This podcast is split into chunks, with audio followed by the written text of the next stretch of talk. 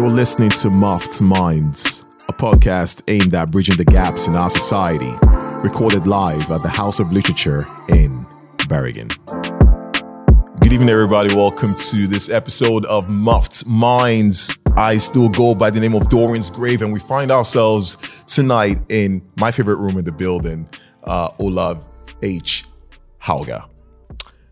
It's Thursday night and it's not Friday night, and which means that this is not the normal days in which Moth Minds airs, but this is a day we could do this one, and we had to do it. We just had to do this episode because in the room today we have one of four people I look up to in my life in general. Um, she is a powerhouse of a human being, uh, creative director, head of house, managing director, director, uh, theater chef. Theater chef? Is that, is that what you call? Theater Norwegian? chef. Theater chef. Theater director, yeah. theater director of the, of course, um, ever so popular and outstanding Ole Bull, who's, uh, ladies and gentlemen, by way of Barrigan on Muffed Minds, we have Sylvie Rollins in the building. Wow, what an introduction. I gotta keep that for my grandchildren if I ever get some. Oh my God. oh, yeah. Oh my God, Sylvie, it is it is an honor to have you here, and thanks for dropping by. It's a pleasure to be here. 2020 has been an interest was an interesting year, and 2021 is still, of course, still Challenging. challenging, and maybe almost interesting. We'll never know, Yes. you know. But we, we're not gonna go to that first, you know. No. Um, a lot of people are watching this episode and probably wondering who is Sylvia Roland. Not everybody knows who you are. We know the building. We know we've been there for concerts. We've seen some plays. We've seen some shows. We've seen pretty much everything in that building, you know. And but we never really know the person or the people behind it. But but here you are in this room today. So I'm going to start for the sake of those who do not know who you are. Who is Sylvia Roland? Oh, who am I? Well, I'm. Uh, well, I'm a mother of four, uh, and um I have um, a family. Of course, when I have four kids, and I'm married, and I live out in the countryside, and I love my job, uh, and I think that's. Um, I'm quite.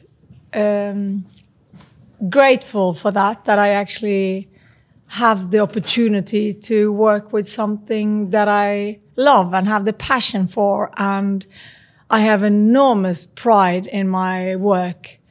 And um, uh, in norwegian we would say yrkesstolthet. Um, but i just uh, love my work and my benefit or my luck is that I have nearly done all the um, jobs in my theater house. I've started cooking coffee when I was 18 years old Yeah, that's and for Helge Jordal and um, picking glasses in the pub and in the restaurant and uh, washing dishes and uh, worked as catering for artists uh, around on different uh, gigs in Bergen, in Grieghallen, and uh, Maxim and Stundeslösa and anywhere else where there was a band playing. I was uh, doing the catering and um, working backstage and and I loved it. You know, from the minute that I uh, that I when I worked with uh, Helge Jordal when I was cooking coffee At I just- right? At Maxim, uh, which is today Ole Bull House, uh, Mm. Ole. And I just remember then, you know, the the tension or the nerves behind the backstage just Yeah. before the curtain drops and the excitement in the audience when they were just waiting those the minute before the show starts and i just love that that point you know? Okay. and i still love it. I still love to go into the theater just before and where, where just before a show starts and just hear how excited the audience are and then go backstage and all the artists that are so focused and they are so into what they are doing. And that i think i am at my happiest when i i just thank god that i still have this job and um, yeah i just absolutely love my job and i think that's uh, i'm lucky to you know have my own job and, and love it. And that's not, uh, I know that not everybody do that, but I really have a passion for what I do. Well, you're still in the game, so definitely passion plays a role. And then you say you're lucky. Per definition, I see luck as when opportunity meets preparation this is how luck yeah. can be defined. Well, yeah, yeah. Right. When opportunity meets preparation, because when you started at 18 years old, cooking coffee, picking up glasses, you know, doing catering, I'm assuming you weren't the only one doing this. I'm assuming you worked with a team of other people. Yes. In the, what you call in the shifts kind yes, of thing, yes. you know. And then when you now say the word luck, you know, one can also think that how come these other people didn't have that same you know, get to do what you're doing today, for example? Uh, what makes you st- what made you stand out at that point and said to yourself, I'm going to do this? Be- well, I, I'm not sure that I stand out or stood out. I just knew that from that minute on, I just loved it. I mm. still, my, I, you know, I still love being on the floor. No, we, waitressing. Uh, we see you. being at the door, um, doing the dishes, being able to serve people. I love to be. I lo- I love people. I like mm. people, and um, and I that meaning uh, or that meeting in the theater and cooking that coffee, and I just was uh, lucky. I work with a lot of good people. Mm. Yeah and I just thought that, okay, you have to be the first one to arrive and the last one to leave. And as a girl that um, loved my job, you know, and I was still picking glasses, you know, and I thought that, you know, this is something I thrive in. This is, I really liked it. And I went to waitress school and mm-hmm. for a year. And there I learned uh, all the basics about you know, waitressing in a restaurant. And that's, I still have that in my bone mark, you know, yeah, right. in my, it's Your still spine. in my reflection, you know, you know, it's still there. And all the basic that I learned is still there. And so I have both the, the restaurant and bar training, and I also have the theater training. And I've been very lucky to work with the bests. And I had good, uh, mentors on my way. Um, and I've never been afraid to ask for help. I've never been afraid to ask, can I please learn? Can I please hang with you to learn this? Um, and I had some good managers around me that actually allowed me to get more responsibility on on on my road. And um, it was uh, and of course, you know, um, as a girl in back then working with a lot of men, mm. you had to sort of just uh, step up your game. Right, right, and, right. Um, I, I, well, I did, you know, not because that I was, but I, I just saw that as a girl working in a restaurant business for this is we're talking 32 years ago, and um, if you were a girl and you got promotion, you know, it was equal that you had uh, fucked the boss. Okay. You know, it was sort of. Fair enough. There was, um, you know, you couldn't be good. You absolutely had to. You sleep your way up to the you, top. You sleep your way up to the top, and I was sort of, you know, and um, uh, I one time I had uh, I got the manager position. You know, not the not a big manager job, but I, you know, I mm. was working, picking the glasses, doing this and doing that, and um, and then I got a little manager job. And one day I came to work and I saw all the doormen standing talking, and I came walking through the um, the disco back then, and um, I saw them standing there, and I heard one of the guys saying that you know they were obviously they were talking about me and they didn't see me coming. And i i uh, heard him saying and this was the brother of the guy that have given me this position. And he i heard him say to the other guys you know of course you, you know of course. We all know you know guys that you know she definitely slept herself to or to get that position. to get to this position. And uh, the other guys just went quiet, and I came up and I just picked him Mm. on the shoulders, and I just said, "Well, that was quite a nice thing to say, but you know, if you think you are standing here and make a mock out of me, you're wrong. You actually are standing here mocking your brother. Do you think he's that stupid that one lay is gonna, he, and then he pr- gonna promote somebody for that? So." Bad luck on you and your brother, I said, and I turned around and and that was how it was back then. How did that make you feel though afterwards? Did you did you I just thought I felt one nil to me. I Oh felt. really? but so that, and but that sort of in that sort of way, you know, I don't mean to be, you know, hard about it, but that sort of that's gave the mindset me. you- I, I put them all. Luckily, they were all there, and this was not that the other guys had that uh, opinion, Mm. but I've sort of put it straight there, and I thought it was a nice way to say it, and I still would have done the same today, and I.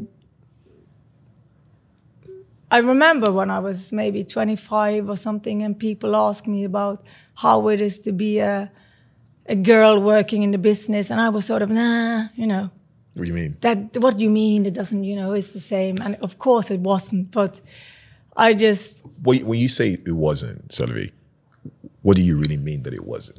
Because a lot of people can watch you, you know, you're you're you're firm yourself. I've had the pleasure of working with you, you know, closely. And and when you say of course it wasn't, you know, what do you what does that really mean? But can you when I- elaborate on that? Because a lot of people don't have the same strength or courage as you have, you know. So no. If you would tell us I, I what that hopefully. I, I really, really hope, and I think it's different today. You know, okay. I, I really do, and um, I, I, I do. I, I work with a lot of women, but of course there is still a, you know, we still are. It's not equal, unfortunately, but uh, it's not like that. You know, it's not like, hopefully, and for, if there is any women out there that have that experience, speak up. Mm. You know, because society doesn't accept it. This was This is back in the day when this things were well yeah but it, it was but when i look if you had asked me when i was 25 and people did i, I wouldn't have said what i say, says today Okay. because i didn't see it so black and white. I saw that episode and i thought you know um, i got respect after that one. I had it before that situation but that sort of brushed all uh, everything at the side and uh, but still like i said before you i had to be the first one to come and the last one to leave. And you had to just show that you were better than the other ones and that paid off you know because i got um i got um I, back it, it was still i still have that same passion that i had back then and i think that was getting through to the other men that was uh, managing this uh, place that i was working for which was Maxim back in the days and in Paula 2005. Bevar. No this is in 1991 1992 Okay. and then we had yeah Because in 2005, uh, it became officially Ole Bull Husa, yes if I'm that- not yes. mistaken. Because what I'm thinking is, um, you are young, you are vibrant spirited, you have passion, drive, you're ready for this. What I see in Berrigan mostly is when artists reach a certain pinnacle or a certain point, like you were getting to, you were amassing all this information and experience, you were ready, I think. What usually happens is a lot of people tend to leave Berrigan yeah and then go somewhere else for a bigger city and more exciting, more publicity, more everything, you know. But you stayed though. Yes. Well, uh, well, I went to, uh, you know, I worked in Maxim, and then I, um, uh, we had the, the, unfortunately, the shooting uh, where one of my colleagues got killed in, uh, in Maxim, Mm. and um, after that, that was in '92, and after that, um, I sort of worked at the happiest place to working at the saddest place uh, and um, it sort of affect everybody, you know, that was involved in that shooting. And and after that, I sort of realized that I have to do something. I have to get out. So I I moved to London and I went to a bar school in London, and I lived there. And um, I came back and I started. Uh, I was with my, me and three uh, other guys. We started Ricks. And after that, I um, met my first husband. that sounds so awful to say. My first husband. and we lived in London actually for some time. But when we got kids, um, I wanted to live in Bergen. I didn't want to live abroad. I didn't want to live in hectic uh, London. And we were young, and you know, you young and you party, and you know, you live your life, and you know. Um, but when I got kids, I realized that I wanted to be close closer to my family and to my friends, and uh, that's when I decided to, you know, have my base in Bergen, Bergen. and then I had already sold out of um, of Ricks, and I wanted to start for myself, and I already had a production company, and uh, then I um, was a project manager for Elina opening Lotter. I was project wow. manager there. And uh, at the same time, I was looking at different locations in Bergen to open my own theater. But um, that took me another year. So I signed a contract in 2004 and opened in 2005. Yeah. And uh, what was it like back then in 2005 that's at Olibid? Because now I look at that when I when I worked at that building with you at the time, Yeah. you know, it seems like a like pretty much a cultural hub. You know, it was dance floor downstairs in Lille Ole Bull, right? And then of course you go upstairs, you have the theater or the the the the, the, the ballroom, and then upstairs you have uh, the nightclub thing going on. And I'm thinking to myself, like, has it always been like this? Was it like this in 2005 when you came in? Yes, it was like that, but it was different because then I just then I just uh, uh, owned the theater. I didn't own the whole building okay. back then, so um, that was uh, different from what it is when I took over the whole house seven years ago, In 2014, or you, 2013. 13, Yes. you took over the whole house. Yeah. What was that like? When, was this a smooth transition, or was it just like, okay, um, am I going to pick up the pieces, or what, was- what, what was it like? What, what were the finances like? Let's actually say that because that correlates a lot with the question I'm going to ask you later in this interview or in this conversation.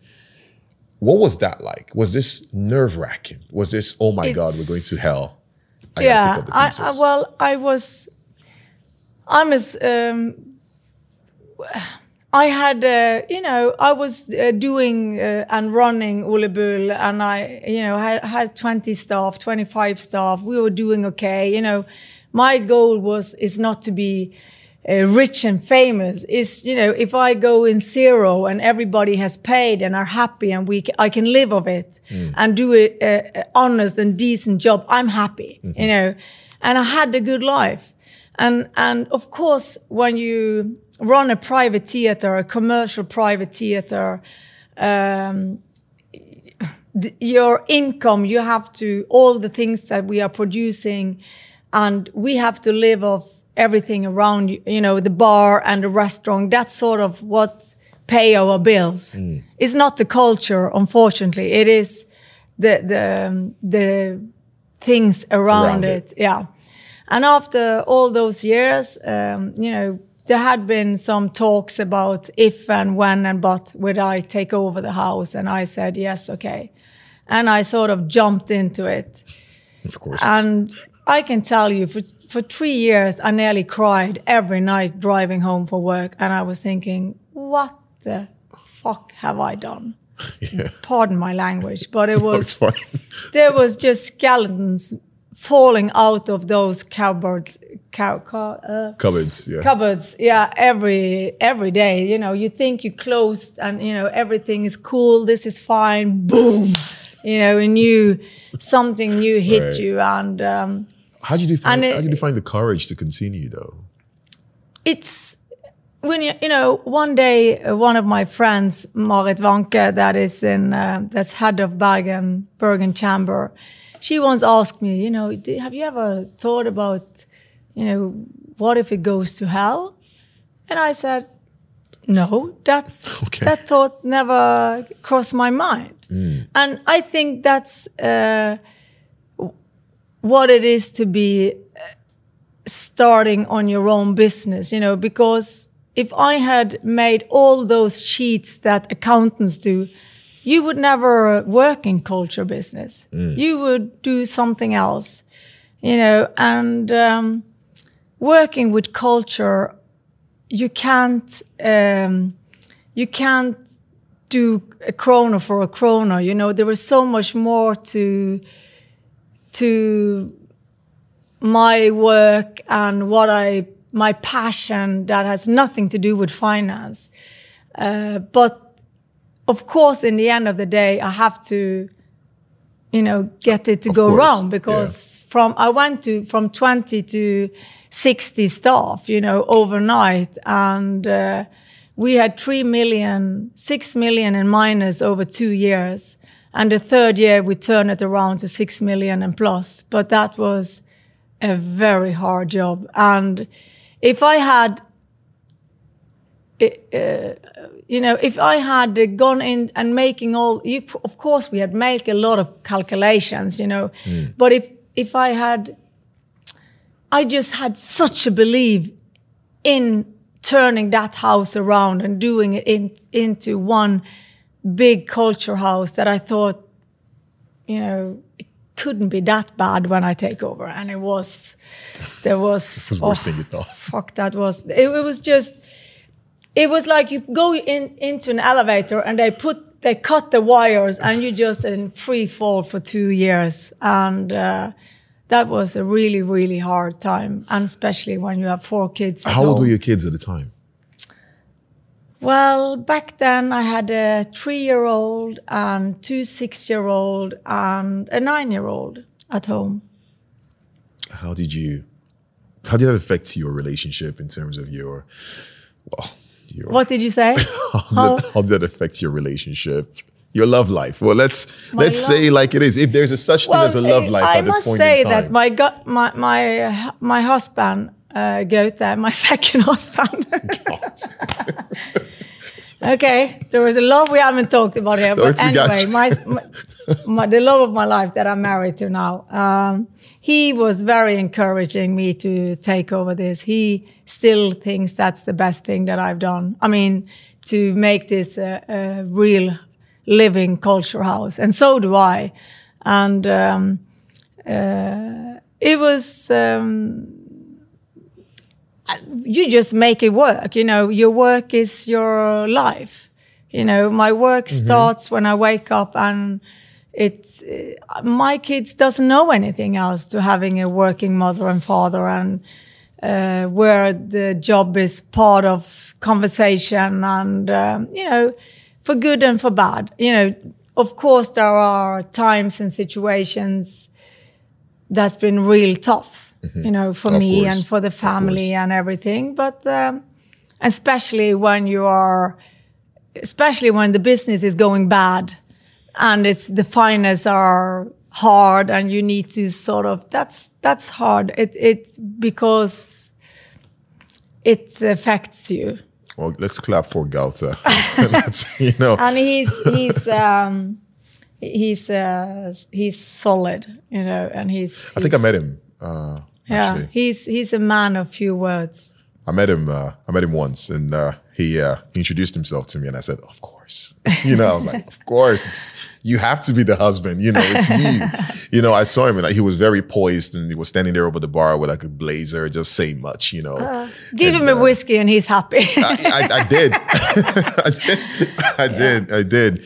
You know, and it's, it's this thing because early on you mentioned that with the first two years you were down six million kroners, mm. and that turned around to plus six million on the third year what moves did you make?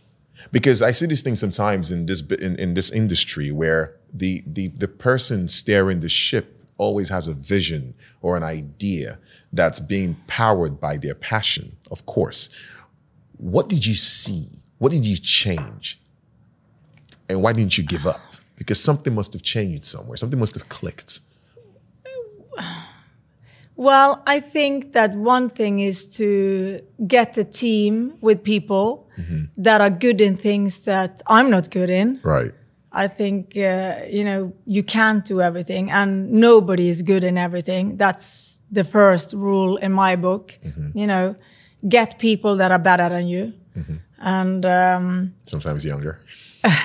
and younger, of course. Uh, but uh, and and also there was you know you have to go through the um, and when we are uh, putting two businesses together there were things that we could benefit of mm-hmm. but uh, it also takes uh, patience to change things around i thought that i could come in with my enthusiasm and you know and change things and and it, it doesn't change overnight and nope. when you take over 40 staff like I did, you know, and putting 20 and 40 together and think that all of them will be happy harmony in the second week, you know, you, you should think again. And it was not like I took over and it was closed. It was the business was running oh, as oh, yeah, I took yeah. over. Yeah. So it's a, it wasn't like you close, you build, you you make your own thing out of it. It was just taking over a train you, that you had jumped left on the train when it already when left, it was right. already left the station. So I think that by uh, deep dig uh, uh, you know, going deep into the finance, cutting costs. You know, we had to cut costs. I had to let staff go, mm-hmm. changing. Um, menus, uh, combining uh, because this was like three departments and everybody bought in there. There was nothing that was um, uh, sort of uh, managed by one person. Everybody did their own thing, and um, so it was when you sort of can see the I oh, I saw the potential for it before I took over, so I already knew that there mm. was the pot- potential. Mm-hmm. So that was the carrot, you know, that was the goal. Uh, I didn't think it would be take me two years with that sort of fast. financial disaster, but um, it sort of was an effort. It was a team effort. It wasn't. It wasn't me on my own. It was a very very good team on board that changed it and together we we changed it but it's you know to work in the private uh, culture have a private theater is risky, always is, is it's a risky business. It's a risky business. It's not it? like I can just lay down on my uh, back and think, "Woohoo, we did it!" It's um, it's all down to you know there is a lot of ifs and buts and it has to be the right programming. It has to be you know you have the the competition mm. from other bars and restaurants are hard and tough. And i think you can only be uh, and that's healthy. Right. If you don't have uh, competition you will not be better either. Absolutely. And uh, and then you sort of have to define what are we Mm. What is Ole Bull When did you define that? When did when did that definition come about in your mind? When did you say this is who we are? I remember I had a, a lunch with uh, Espen Døsvik. Yeah. And that was not so not so long after I had taken taken over the house. And he sort of asked me, you know, aren't you going to do this or aren't you going to do that? And and I said that um, and this I don't know the word for in English, but I said to him, you know, if you look at how I'm programming the stages, you know, because we are a commercial theater, I like the house to be folkelig. I like it to be a house for Very everybody, yeah. you know, and um, with all the best under the same roof. And, you know, you have good home, really homemade food, Uh, good uh, made, homemade cocktails, you know. I don't need that to be, um, you know, I'm. Uh, I, I, I don't have the knowledge to be Luis Lysverket mm, because mm. they are damn good at what they mm. do, or Ken and Laila here in Litteraturhuset, you know.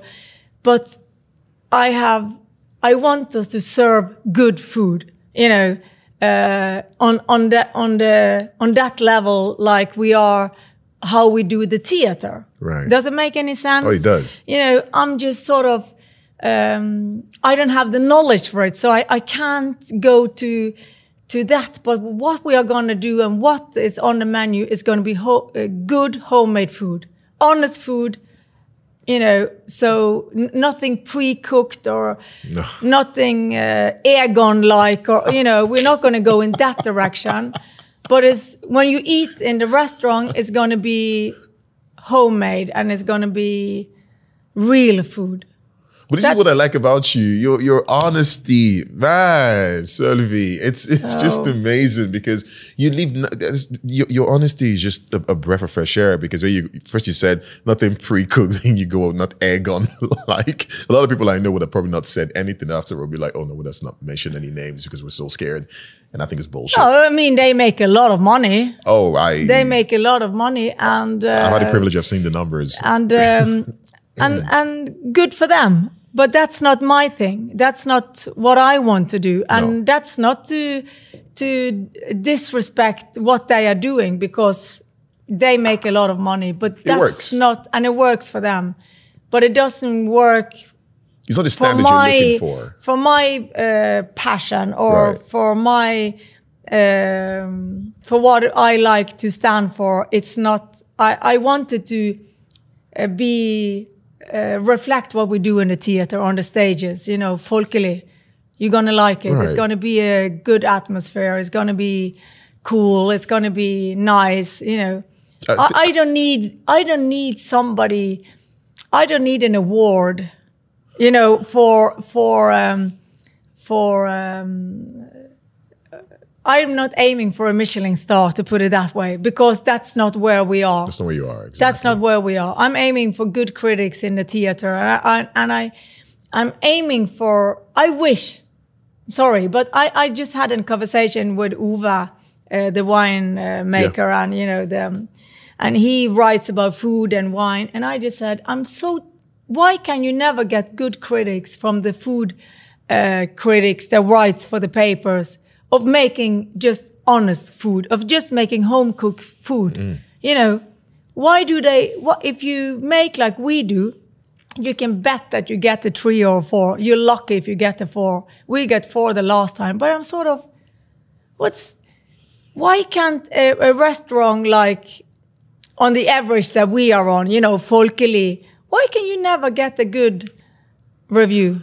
Can and I- I, I, discussed it with Elena as well. Why why can't you never get a five or a six? Can I jump in on that, if I may? yeah. it's sort of uh, if you make a good show, no matter what it is, you Right. Mm-hmm. get a five or a 6 if it's Ole Bull or if it's DNS or it's down to the basic. But it's sort of I still haven't seen that. I still haven't seen, you know. I might be wrong, but it could be a compliment to you, though, in a way that you do great shows. You get great reviews. Well, not all the time, obviously. Nobody gets great No, reviews. nobody gets that reviews all all the the time. time. Doesn't make Yeah. any sense. But you generally get great reviews. And I think what happens is people look at you like that and then they put you at this standard. And it's you're making great food, is not the point, you know. But when they see your shows, they'd be like, oh wow, that's a great show. But we can't really justify giving the food the same You think so? I think so. Some yeah, for sure. I mean, I've seen Daniel um, in the kitchen do his thing. You know what I mean? And he's a great chef. You know, I see what he puts on the I, I know I, I see the passion he puts on the plate, you know, and it's and two, you're making homemade food. You know, I feel like some of these critics also want things to be a tad bit pretentious.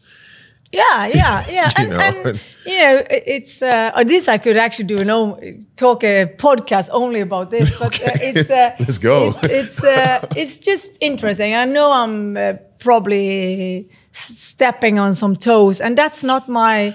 It, that's not what I mean. It's just that. Um, um, when I see at uh, Christopher Håtuft and Ken and Lila, I sort of, oh, I think it's fantastic what they do. I just love it. Uh, and what they do at Bara, I just think that's fantastic. And that's, and we should have that in the city. We should have that mm-hmm. in town. And I think that's, we are privileged to have so amazing chefs and, and I get curious of working on, on that level. Yeah mm-hmm. and um, and when I see that we have the national stage, the Nationale Scene in town that has 100 million, I think that's great because they can make and produce things that I can't, that a, a private theater will never have the, the finance to do. And I think that's great. So I think on, if you see on the cultural uh, level, then you get critic on what you actually deliver. Right. You know, and I don't think that's fair to the chefs that works damn hard in uh, in, in a straight in a folkelig restaurant, and they, you know, I wish they could get uh, they should get a medal sometimes. You know, all those chefs around. Well, I, I, world. I, I, think, I, I, thi- I think I think most chefs are doing their best, and, and I, I think they've reached Yeah. a point where they understand that most critics are not exactly critiquing the food anymore. I think it's, this is something else they're criticizing. But at the same time, though, you just mentioned Christopher, and you mentioned Lila and Ken, which are absolutely great restaurant owners. But you also run a theater Yes. house. Remember this, okay? This is a, you're talking strictly restaurants now, and this is what they do. Yeah, yeah. Food is what we do, you know, and therefore they have to perform at a very high level, which is obviously understood. But you are running a club, it's a theater house in one section. There's something else going on upstairs, which is a, a, a combination of bar, club, and, and That's it's not- entertainment Yeah, right. It's not that easy to, and I understand your frustration when you try to maintain that same level of uh, grading, you know, grading of all these things, you know. Mm. So I just wanted to reflect think- what we are, what the house is about. I wish that, uh, well, I you see it, but uh, yes, yeah. I see it. But uh, yeah, anyway, but uh, that okay. was uh, the right. the critics. This is a therapy session, uh, so let me go ahead Get and it uh, out there. bring- it's, it's all good. It's all good. What what were you, what was your what was the first show you did on stage that you said to yourself, "That's it." Even though you might give me the whole generic answer, people say things like, "Oh, I love all my shows." We know, there must have been a turning point. There must have been one sh- production that you did and you said, "This is it right here." Uh,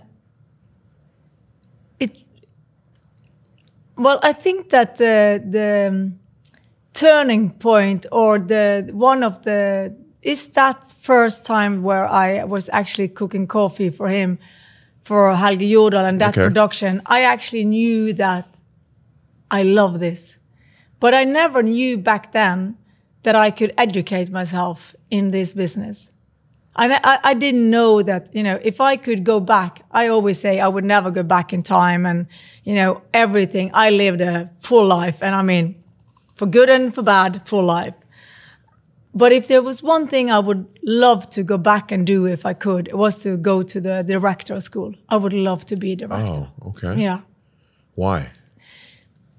Because I think I would have loved it. I, I like that part of the business, you know, the producing and the director. And I love working with good directors. Hmm. And by the time I sort of got my head and was finished in London and I got kids, and then suddenly I realized that, oh, this is really what I, and I started Rick's and I started my own co- production company and I had do, done some production with Elina and Dagfinn Lyngbø's first uh, solo show. Was that stereo? In no, no, no. This is in Cafe Clou. Oh, we're in a no, no, no. This is uh, many. Well, I- I is discovered that before we from came to the big shows. No, and um, uh, I sort of thought, oh fuck, you know, and I sort of realized that there was a direction school, director school in in Oslo. Oh, okay. And but then I already had a kid, uh, had my first child, and uh, Oslo have never ever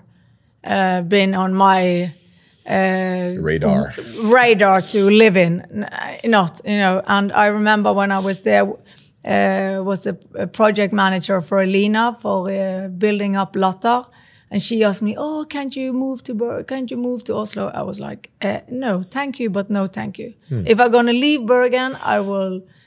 I would have left for another country, not Oh, wow. for not for another city. If I'm gonna live, I'm gonna live in the in the nicest place, the nicest city. I'm not fan. I don't think I would have thrived in in Oslo. In Oslo. I I, understand. like. Um, I'm a real Bergen patriot. I love Bergen, and um, Yeah, we can. We we. I like it. here, and uh, I like that uh, you can pick up the phone and call anyone. It, you know, I wouldn't have any problems. You know, not because I know a lot of people, just because I'm. I'm never afraid of not knowing things. I'm always curious about new things. You know, when I was, uh, I have worked as in all the different uh, as an assistant in all the sort of areas of a production you can work and um, uh, and I asked uh, all the best people, can I work for free for you on that production? Can I can I stand in here? Can I just hang around and learn? And I still have that um, in me. I would never be afraid to pick up the phone and tell somebody, you know, I have no idea how you do this, but can you can I can you help me? And I think it's really easy in Bergen to do that. I think that's a benefit of being a, a, a second city in Norway, and I think that's a very good thing in Bergen. I and then uh, in 2000 and 1999, I was uh, producing the opening of Bergen as a culture city, and um, uh, everybody sort of said, "Ah, "That's she's not going to be able to do that," you know. Okay. How how do you how do you survive those criticisms? I'm just thinking, well, we will see. And um, you know, uh, I I think that I was one asked asked if I could have a lecture, and I actually called it. Uh, well, if, I'm not sure if I can translate that into to, to English. It, it sounds much more rude in English, but Okay. I I uh, I it's called um, I called it uh, litt mer faen. What's what's that in English again?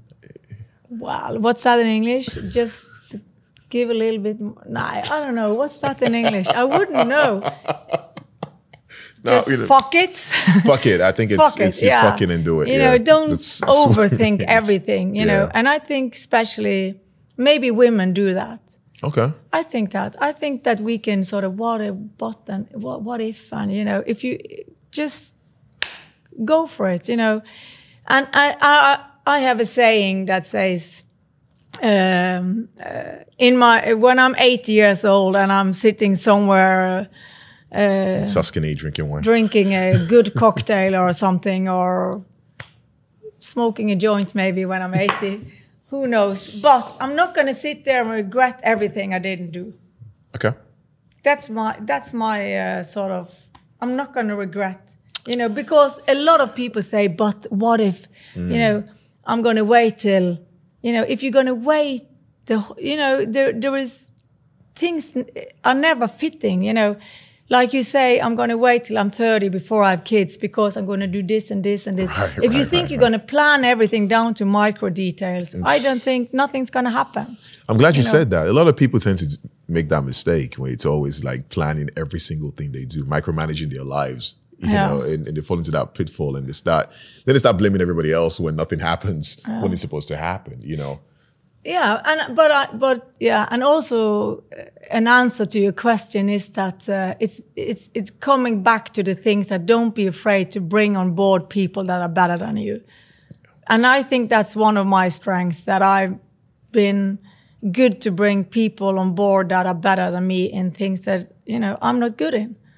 I'm. Um, and that's what I did uh, with the Culture City. I had an uh, extremely good team of people, and uh, that's what uh, l- did it and made it. And you know, We're going to talk about Maxis for a second. huh? Ma- Maxis? Yeah, yeah. Maxis, my your, daughter, one, my your stepdaughter. daughter. Yeah, And, you know, I, I've had the pleasure of meeting her a couple of times. And uh, yesterday I was doing a workshop with, and she was part of that workshop, you know. yeah, And she is originally from Colombia, yes, if I'm not mistaken. yes, And she is a person of color, yes. per se, you know. Do you think sometimes that she wonders or worries about where she's from?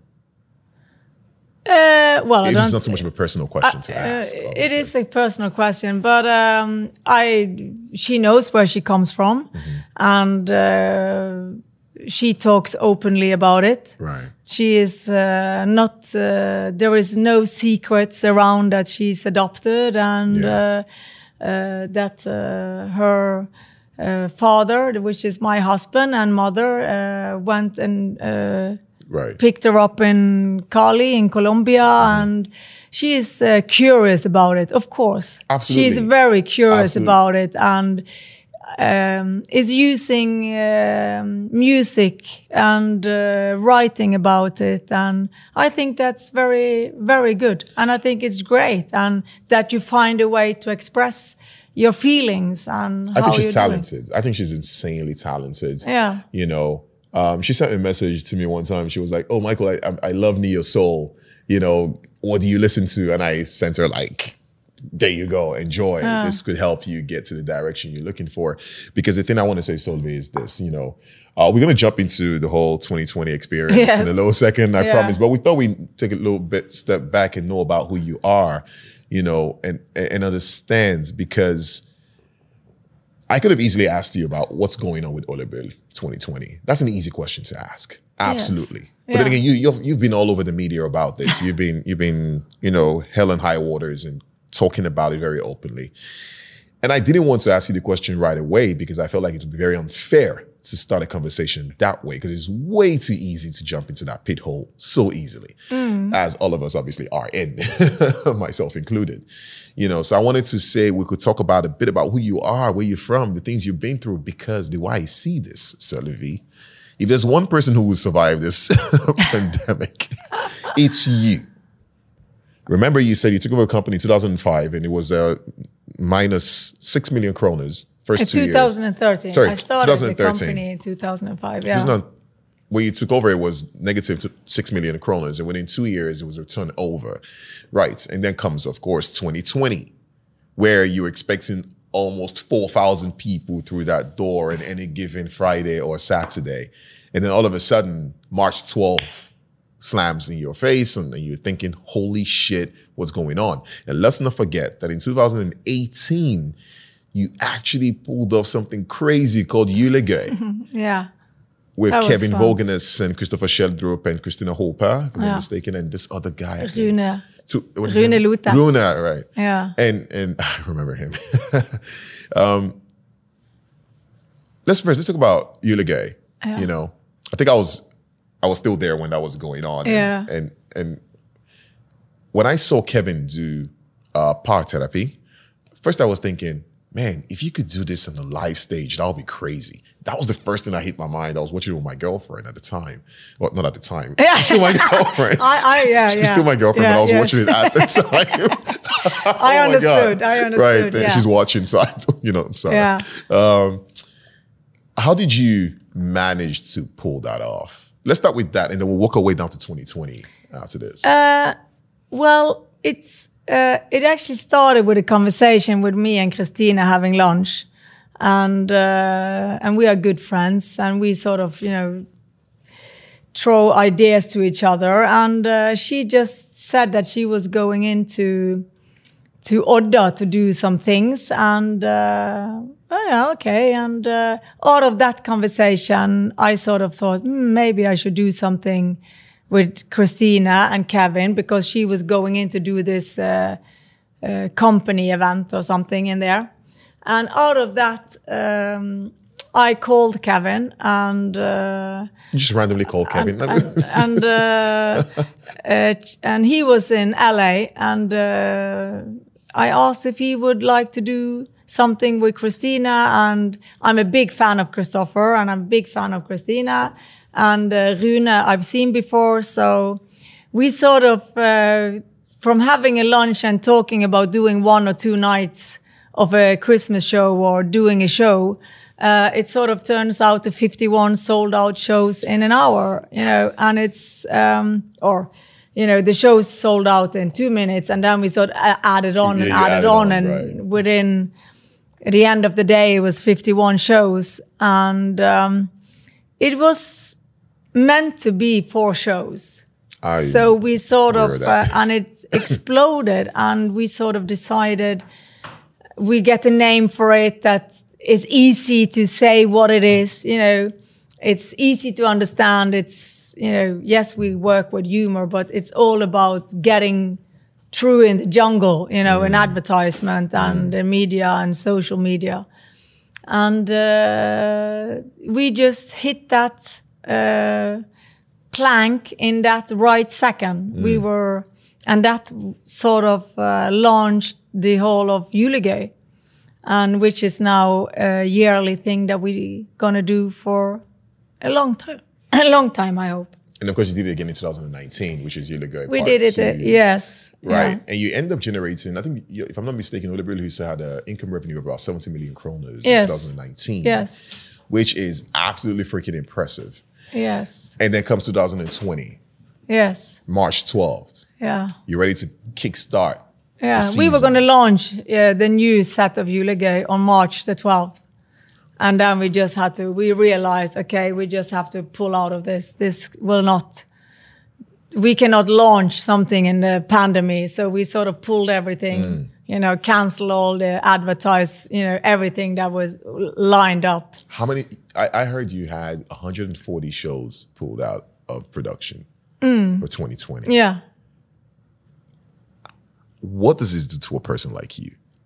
Huh? What I mean, what does this do to you mentally? I mean, let's be very honest and very candid here, because I'm thinking you run a building that's literally people. Like I said, on a Friday, Saturday night, you were expecting about four thousand people mm. easily, mm. and then you go and this happens, and then you have to cut down to five hundred, Yeah. and then you go down to two hundred, and now it's I don't know somewhere around ten or something. Now we're allowed to have 20. Wow. Okay, which is kind of it's sort of uh, in in you know you go into survival modus you know and uh, my first concern was my staff. You know i have 80 employees and a lot of them were students. So in the beginning we made uh, food boxes for all the staff so they could come and pick up food and it was, uh, I realized very quickly that this would be very dramatic for us as a private theater because we wouldn't get any funding and uh, it would be, we would be bankruptcy if, um, when we realized this would continue.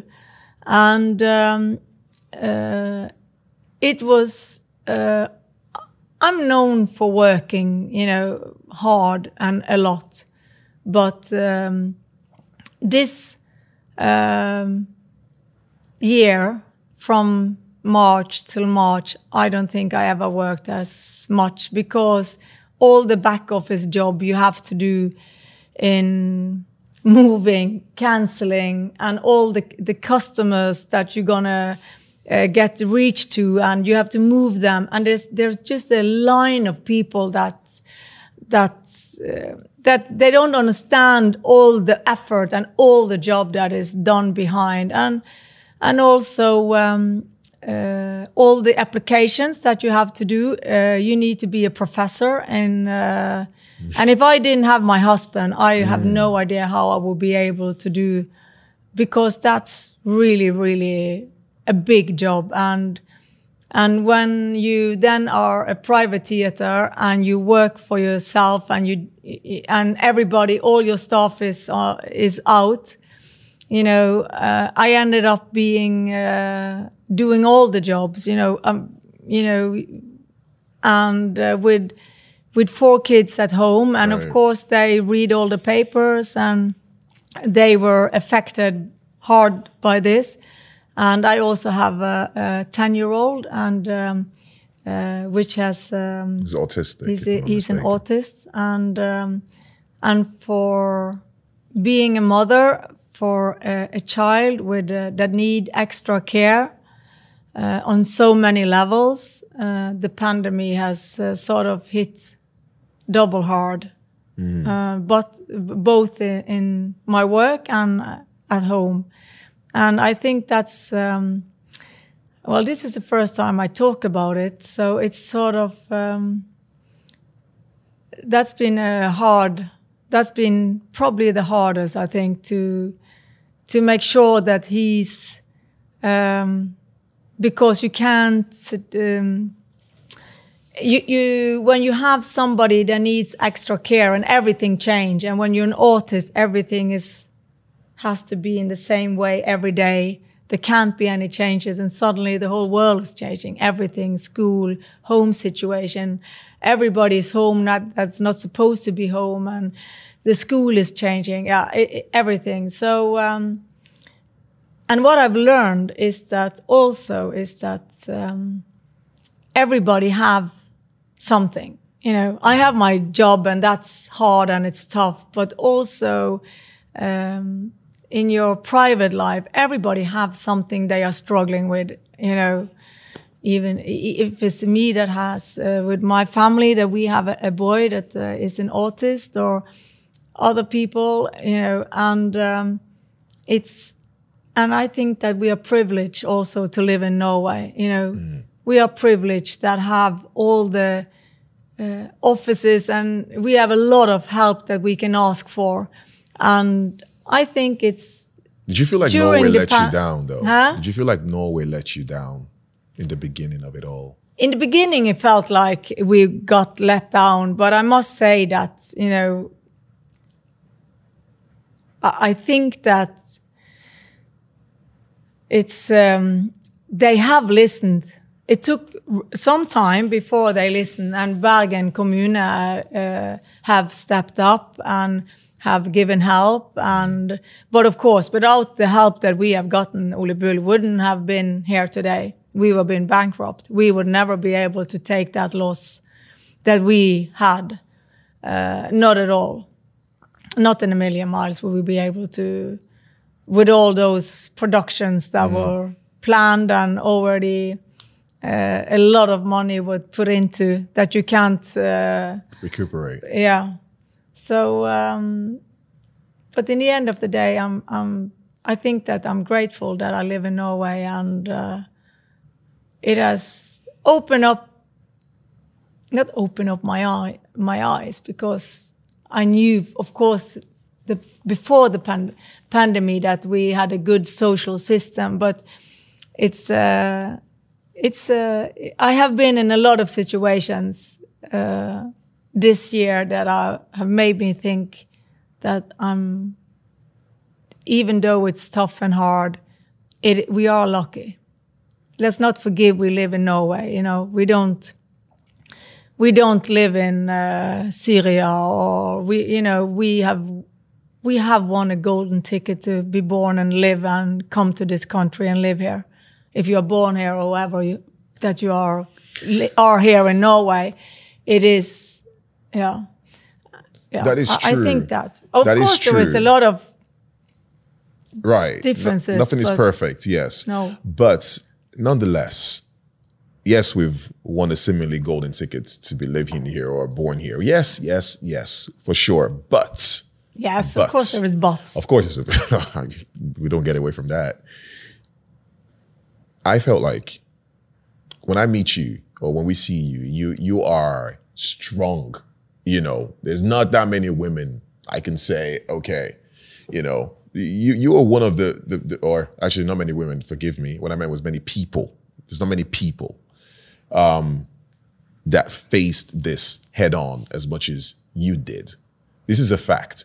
But at the same time, you mentioned your home situation. You know, I think a lot of people here are too scared to, you know, like let their guards down and say, listen, I'm going through some shit at home that's dry. I mean, I don't I can't even begin to imagine what your situation is like. You know, first you have a business that just got hit. There's a pandemic. You never know when that's going to end. There shows your plans. You're not even sure what's going to happen there. And of course, not to mention that you have the artists who, in a way, rely on you to, not directly per se, but they rely for you to step up and say, Sylvie, are you going to take care of us? That usually happens. Maybe it's not spoken, but you feel it yourself since you're so passionate about what you do. You want to take care of people. I get that. And but that's the thing. I, I always I saw your post and your you were going at it on on, in, on social media and everything. But at the same time, I stopped for a second and I said, I don't think people know what Sullivan is going through at home. No. You know I what I mean? don't. Uh, uh, I remember once I did an interview and I actually talked to my husband about it, and um, uh, it was a, a, a, a interview about a portrait interview. Portrait is that what you call it? Yeah. And I I thought about it long and hard, and I said, well, I don't want to be uh, I don't want this to be, you know, this. Wow, it's so well, it's so glamorous. It's so because life isn't glamorous, you know. And um, and I I talked about you know my life and my history, and I knew that I wanted some of my stories or history. Um, and I think that you know if you are honest to people, if you tell people that you know I fucked up or or I have a problem, like like my home situation now is that I'm on week 12 in homeschooling with my son, and that's on the level of uh, hard isn't you know covering it enough, but when you are honest to people around you, I my staff know about it. Everybody knows about it. You know, I, I don't need to post it on social media or Oh, no. anything. but my not. but No. all my friends and uh, are know about it. And when you are open and honest, you know, it, it's it's also about being humble. You know, and you know, it's it's you know what the worst thing that can happen that actually people gonna offer help you know? It's that people gonna understand that the shit that you sit in that's the worst thing that can happen you know? And i'm not up for perfect or i don't want people um, i don't want perfect people in my life you know they have nothing to offer me. That's true. you know that is bullshit. And um, and uh, and when I when when you know this is something that I've that we got this diagnosis and all this the last years, and you see that I have friends and I have people I know that have kids that struggle with uh, depression and bipolar and kids that have eating disorder and people have alcoholic uh, you know there is so much problems and and they have cancer. And, and, you know, and I just think that if we are just lowering our guards a little bit and Right. just just say how you actually what's going on. That's the point. That's You know, the, that's what I was getting to. You know, yeah. I didn't want to. I I think don't it want makes- people to watch people and say, "Oh, Michael, why are you asking such a question?" I think it's Mm. important to ask such questions because Sylvie is a human being. yeah, and first and I, I think that uh, uh, my staff have seen me cry and being emotional, and uh, and I think that I rather be that boss that cries or or emotional when I'm talking about tough thi- things in my family or um, at work. You know, Right. when when we lost six million, it was really tough work. You know, and I had just employed um, a, a- a guy, and he had just bought a house, and he got the baby. I had to let let him off. You know, that was when I took over the house. When I thought that I'm going to build this fantastic entertainment house, and we sort of just had to let a lot of people go, and that also happened now in the pandemic. In the pandemic, when it, I had to during 2020, I had to let people go, which is it's hard. That's very hard. People that have kids and you know they rely on their job, and it's not like there is plenty of work out there for anyone. So it's um, Yep. be human in what you do. I think. I, I felt comfortable asking um, the reason, and, and and a lot of people. This I think before this this conversation started, you know, we talked about how we we could watch a lot of these things, and everybody likes to swim on the surface of everything, you know, because they're scared to say certain things. And and for me, I was like, nah, because you are a person who's you've we said you've been through it all until 2020 hit and then we're like what the hell is this What? what the hell is this you know it's good that you don't know what's coming at you. Yeah. Okay. Hmm. Keeps you on your toes. Yeah, but you know, it's uh, it's good that we don't know what's coming tomorrow. I think that you know, Okay. it's uh, yeah, I think that's good. That comes with uh, don't regret at my 80th what I've you know all the things you didn't do. And then there is another saying I have that uh, uh, the devil is in the details. The devil is in the details, Absolutely. in yeah, the for sure. Yeah. Absolutely. Yeah. So so far so good. We're still here. The building is still there. You know, I go past that building every now and then when I on my with my son in a stroller, and I often wonder. What does 2021 look like? Or actually, let's put it this way: What does 2022 look like? 2022 i think that's gonna be some a very packed entertainment house you know there were so many things that we delayed and that we hadn't done and so many projects that's been in the pipeline that we had just Mm-hmm. said okay let's wait so you know we have so many uh, requests and we have so much that we have um, uh,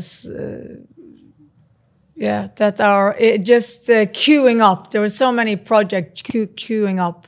So uh, I think it's going to be very, very busy. And I think people are going to be, I think that the day Erna Solberg say, okay, the country is open, you know, oh My I think everybody is going to have a day off the next day, a grodag, and there's going to be Rio de Janeiro party in the streets, I hope. Oh, I, I, hope Yeah. not. Then it's just like a new pandemic all of a Oh, sudden. yeah. I hope that But doesn't I, happen. I, I can't wait for that. I think it's going to be popping a lot of champagne bottles that day. Yeah. your your building is one of one of the five privately owned uh, theater houses in Norway, if I'm not mistaken. I think uh, by now it's probably the only private theater. Like now we, it's the only private. like we run it now. Uh, But of course there is um, there the other one. There are four more that are privately Mm-hmm. owned, but they are they are only only theaters. We Of- are a full time 365 days open entertainment house with restaurant and bar. So that's That's crazy. single out, out us as the only one in Norway. I think about your and and I want to say this thing uh, here. Something I've been I've been dying to ask and dying to say actually. Um, and I look at the Nordic Black Theater in Oslo, Yeah. for example, and and pardon me if I'm wrong. and I might be wrong, of course, you know. Um, but Shoot. I look at the Nordic Black Theater, you know, in Oslo, and I see a lot more diversity there than I do see at Lucian Theater, maybe, Olibo, Olibrelhuset, maybe, even National Scena, I dare to say that. You know, why why is this the case? Because I always felt like What What do you mean? what I mean is like I would love to see more diversity in in your building and in, in, the, in the whole theater as a whole. Yeah, what do you mean with diversity? Just so I don't. I mean, like, like, are, so like I don't. I don't want to say because diversity can also mean women and men mixed together. But now I'm talking about actually having plays that are showcasing more people of color per se. You know, because I, I dare to say it. You know, and, No, I feel like there's, a- there's a it's a- lack. there's a lack of that. You know, and I always felt like I always felt like we could do more Yeah, you know That's and- why I love uh, when you had uh, had your uh, Slam poetry. slam poetry at, uh, and I would love that. You know, if uh, anybody that has a, a, good concept or project, they can come to me. They don't have to pay rent, uh, and we are searching always for young or diverse. You know, there is no, there is nothing that says uh, that. yeah, there is no reason or anything. So um, because I've had a lot of people who who are trying to do showcase really cool stuff. Actually, you know, well, in, in the send them theater. my way, I- and they can have the theater for free. I mean, Okay, and that's what me and you have I'll talked send them about. your way then. That I s- talked about before. But Mm. I also, um, when I took over the the whole house and made it into an entertainment house, um, I also said that. Um, and this is before I knew I had a, a son that needed extra care. And I always said, I don't want this house or my business to be um, to be a sort of a straight uh, A4, you know, like a straight, boring, you know, this is how we do it. I, I want us to have room for uh, helping uh, people that have fallen out of society or out of the work to help them back into work. And we have worked together with Hyssingen Produksjonsskola. Um, and I think anything that can make us more relevant, that can in the work ethics or in the in the workplace or in the artistic, you know, anything. Right. There is, um, I I I think that it makes us a better um, place to work if you work with uh, people from different backgrounds, uh, wherever they come from, whatever color, or you know, that makes um, that makes life more More fun. better or more fun. And uh, you know, you never you never know what you uh, learn or experience, or it's it's a better place to be. It's a better place to work. I think. You're absolutely right, and and I've seen you. I've seen you vocalize those um, those opinions, and you're actually one of the few people. Like I said, you're one of four people I know who actually step up to a plate and say, "Hey, listen, let's do this. It makes sense." And this is facts. Hmm. Yes, you know. you were very. Uh, no, you were very on. Um, uh, you know, you didn't know if you were going to dare to ask. But then I'm like, uh, and then I'm like, okay, I'm not sure if I'm going to dare to say this or ask you. But Oh anyway, God, but go. anyway, I'm just wondering. But where do I? Where do I pick up? Or, or not pick up? That was wow. That was very. no. no, No, but no, we're not picking- Where? Um, um, how? Where do you find these things? Yes, Let, let me let me say it. And because it's not like you can put in an ad. no, well, let, us put it this way. And if they don't come and knock on my door and we are. it's a scary. Let me let me. uh, If I can speak on the on, on behalf of Yeah. of people that look like me. Yes. Um, I've been in this game for a bit, and you know that. Yeah, I've, yeah, yeah. I've been doing my thing, and the thing is, not everyone. It's it's in, for people of color who live here. You go, look around you; it's always mostly white spaces. You know what I mean? Mm, yeah. It's scary to go into a room and you're the only black person there. You know, it's not an easy thing to absorb. No. If I can say that politely and very honestly. Of course you can. Now, when you go into I a space, when you go into a space and it's mostly, well, Norwegians or whatever, you feel sometimes that it's almost impossible to come up with any suggestions or any ideas that might make sense. You know, I was lucky I had you. You know what I mean? I came with, I came to you with Sneaker Storm, remember? And you Yeah. Mm. were like, do it. You were the only one who saw what I saw, you know? And that's what I mean is it's not that easy for minorities to go into such buildings and say, hey, can I do this here? Especially if you look at the roster the whole year Yeah, and it's yeah. it's okay, that's a white comedian. There's another white comedian. There's another white show going. Okay, great, we get it. You know, you see now I'm speaking very bluntly, Yeah, very candidly, yeah, yeah, okay, on, on live television, which is crazy. Um, it's just that no, I feel like Norway does not give minorities a chance Mm. to showcase what they can do. Yeah. Everybody talks about London. It's great. Everybody talks about United States. Oh, amazing. The only reason these places are amazing is because you have a very good Mix. blend Yeah, and yeah. mix of people who do this. It's amazing. Oh, this is great. But in Norway, it's like, nah, we're not doing that. Doesn't make sense for us. Let's not give it a chance. Let's shut it down. I can just say that in in my time, I've never been in a situation where I ever had in my mind or I have ever No, said you. that. I'm- no, I'm no, in general that now. where uh, uh, somebody have stood in front of me or, or across the table and we talked about and I have judged them on color. No, you know, it just not. haven't happened. No, but no. as we talked Oh my about God. my my my bonus daughter and um, uh, she is in Fargespill Mm-hmm. and uh, she came to me and you know I hope she doesn't mind me saying this She's right behind you, but that's uh, fine. Oh, she's there. and and she said to me that when she started in Fargespill she said that she for the first time really felt you know connected, or at Connected, home right. Mm. and that sort of i was just sort of like yeah yeah wow that i can understand you know i with, without it, it, it was just nothing negative or nothing bad. It was just i just really like yes that i can understand.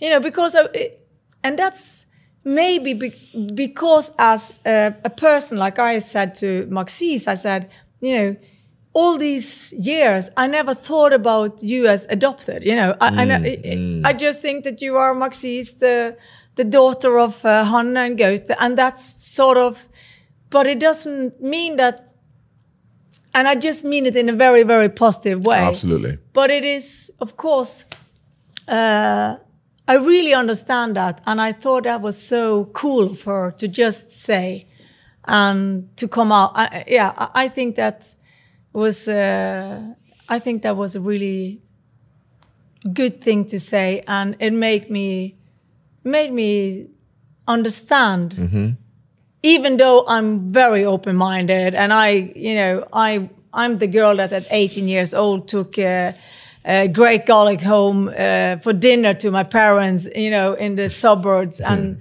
you know and and you know I, I don't have those sort of uh, stops or anything for color or or or uh, sexual uh, Orientation. pre- preference or whatever you have, uh, you know, or or if you are this or that, I don't care. You know, it's about um, this is what I mean is that I know you don't care because, like I said, I've had the benefit of working with you, you know, personally, Mm-hmm. and I know you don't care.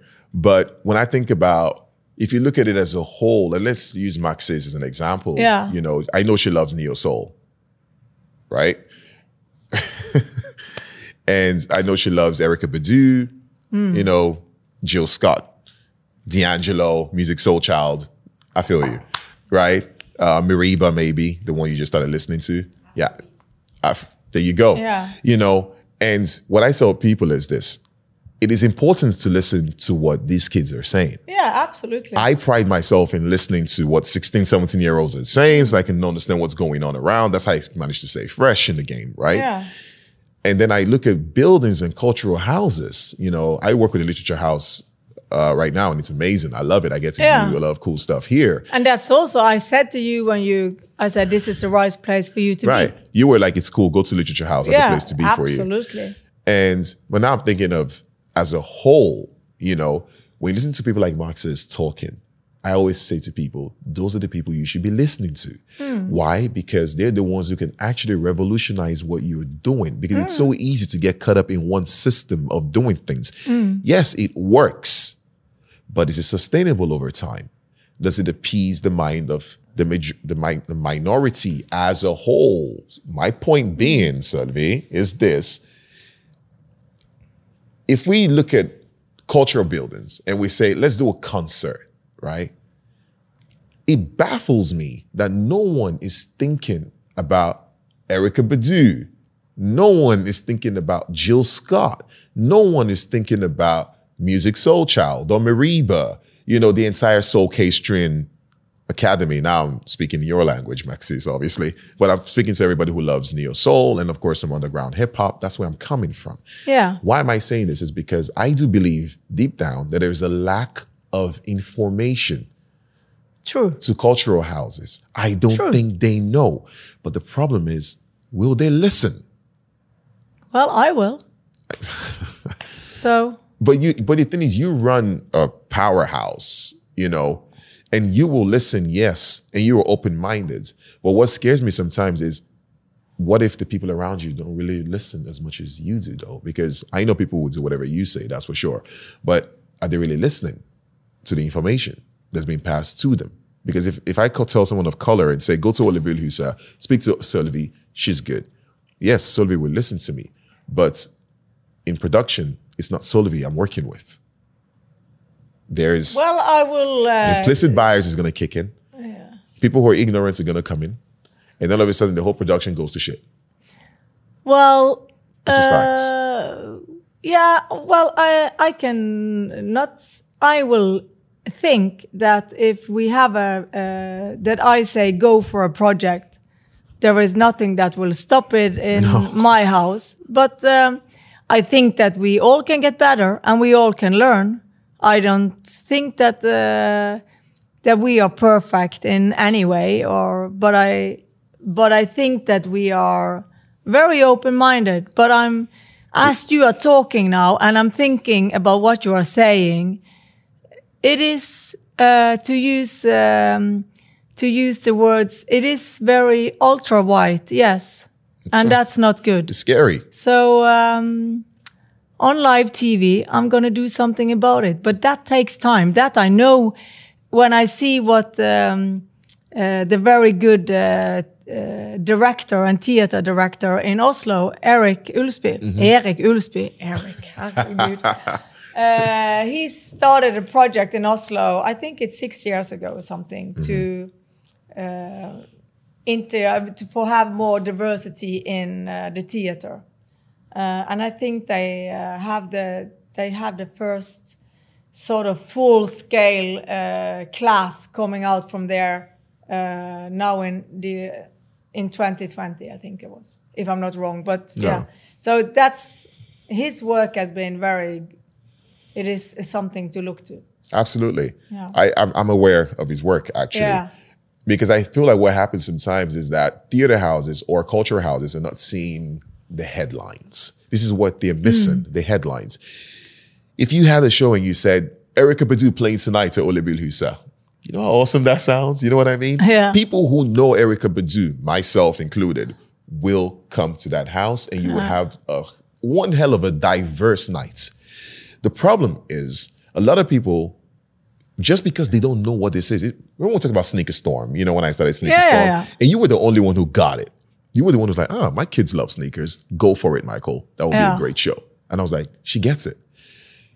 It's the same thing, is that people are acting on, I feel, a lack of information where they think that, oh no, we don't know what that is in Norway, so no one knows what that is in Norway. What you forget is that the information is right in front of you, but you're just not looking at it. You know what I mean? I've Yeah. been to concerts at Ole sometimes, and I'm like thinking, like, man, do they know they will make a lot of money? They just invited this one person. You know what I mean, right? This one person would really change your whole building forever. Mm. But you don't dare to say it because you feel like if you say it, they just people here might just not see what you're saying. But if I mention that name to Maxis, your, your daughter, she wouldn't be like, "Oh my God, that would be crazy." Mm. I'm like, "Yeah, you see it, right?" You know what I mean? so what I'm trying yeah. to say is, I feel like cultural houses, hopefully if they're watching, should get much better at just opening up their minds. It's okay if you don't know. It's okay if you understand. When I started slam poetry, people didn't know what the hell I was talking about, you know? But it took me to go in head on and say, let me show you what we do. And now people love it, right? And it's the same thing I say with these things is you don't have to feel the need to be the ones to organize it. Just trust someone else and say, hey, you know about this. Run it. This will work.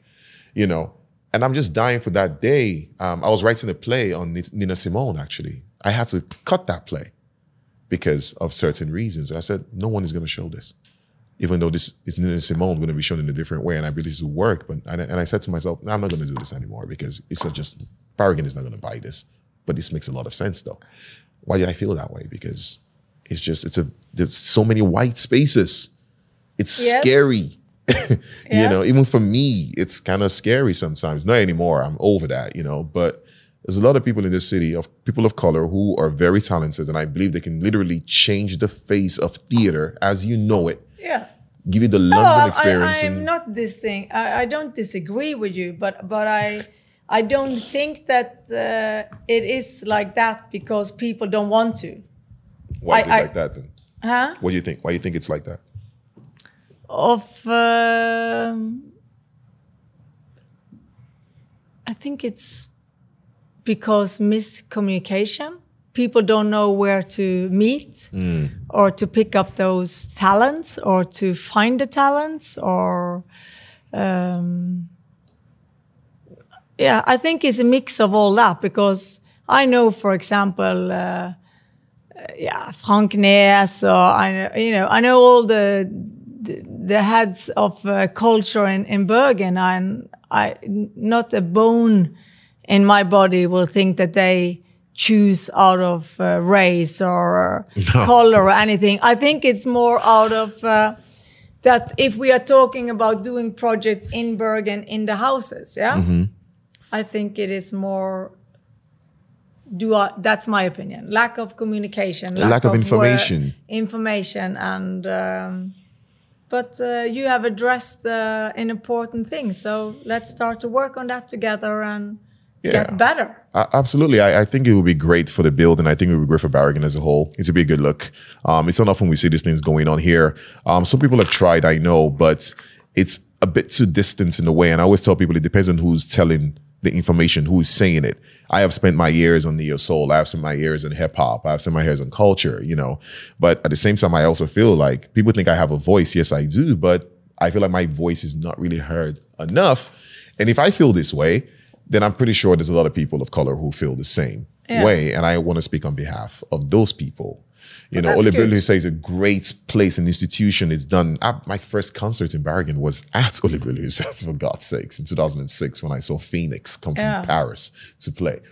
You know, and I'm forever grateful. And is there anything else you would like to tell us that we don't know about what's coming in the future that we should be excited for? Uh, well, there is a lot of things that's coming in the future, but it's not uh, public yet. but uh, I'm, I'm excited, you know. Um, I'm excited, you know. Lille Bull have been closed since the 12th of March. We haven't had any shows down there.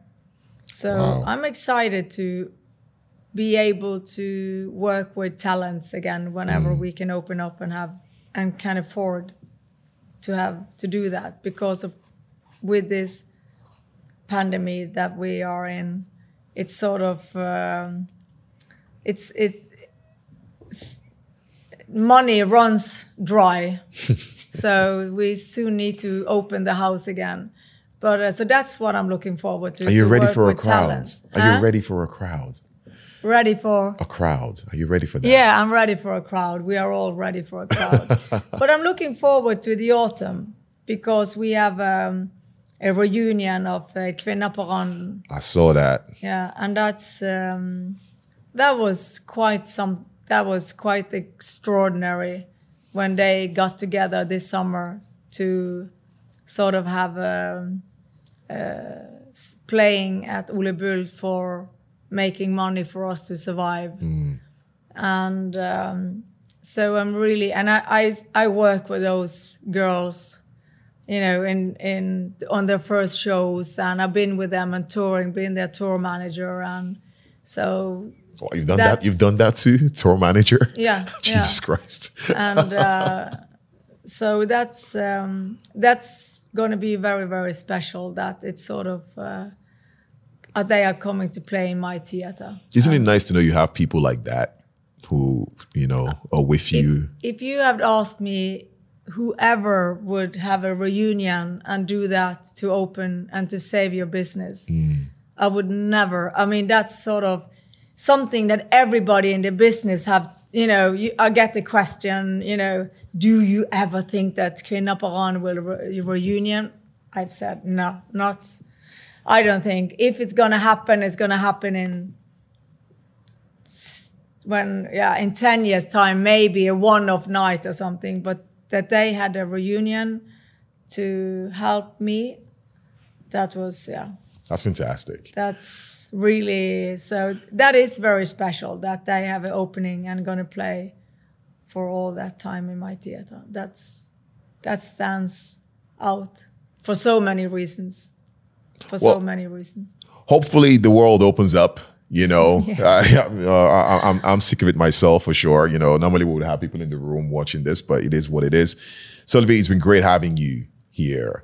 You know, you. I oh, I enjoy talking to you. I enjoy, you know, just being able to have this communication with you and, and and and you taking the time out of your day to come out and bless us with your knowledge and your skill sets and just give us gems after gems. You know, it's uh it's a it's a beautiful thing, and I and I wish more people could watch this and see this and see a side of you which normally we don't see, and probably a side of me which probably they don't see.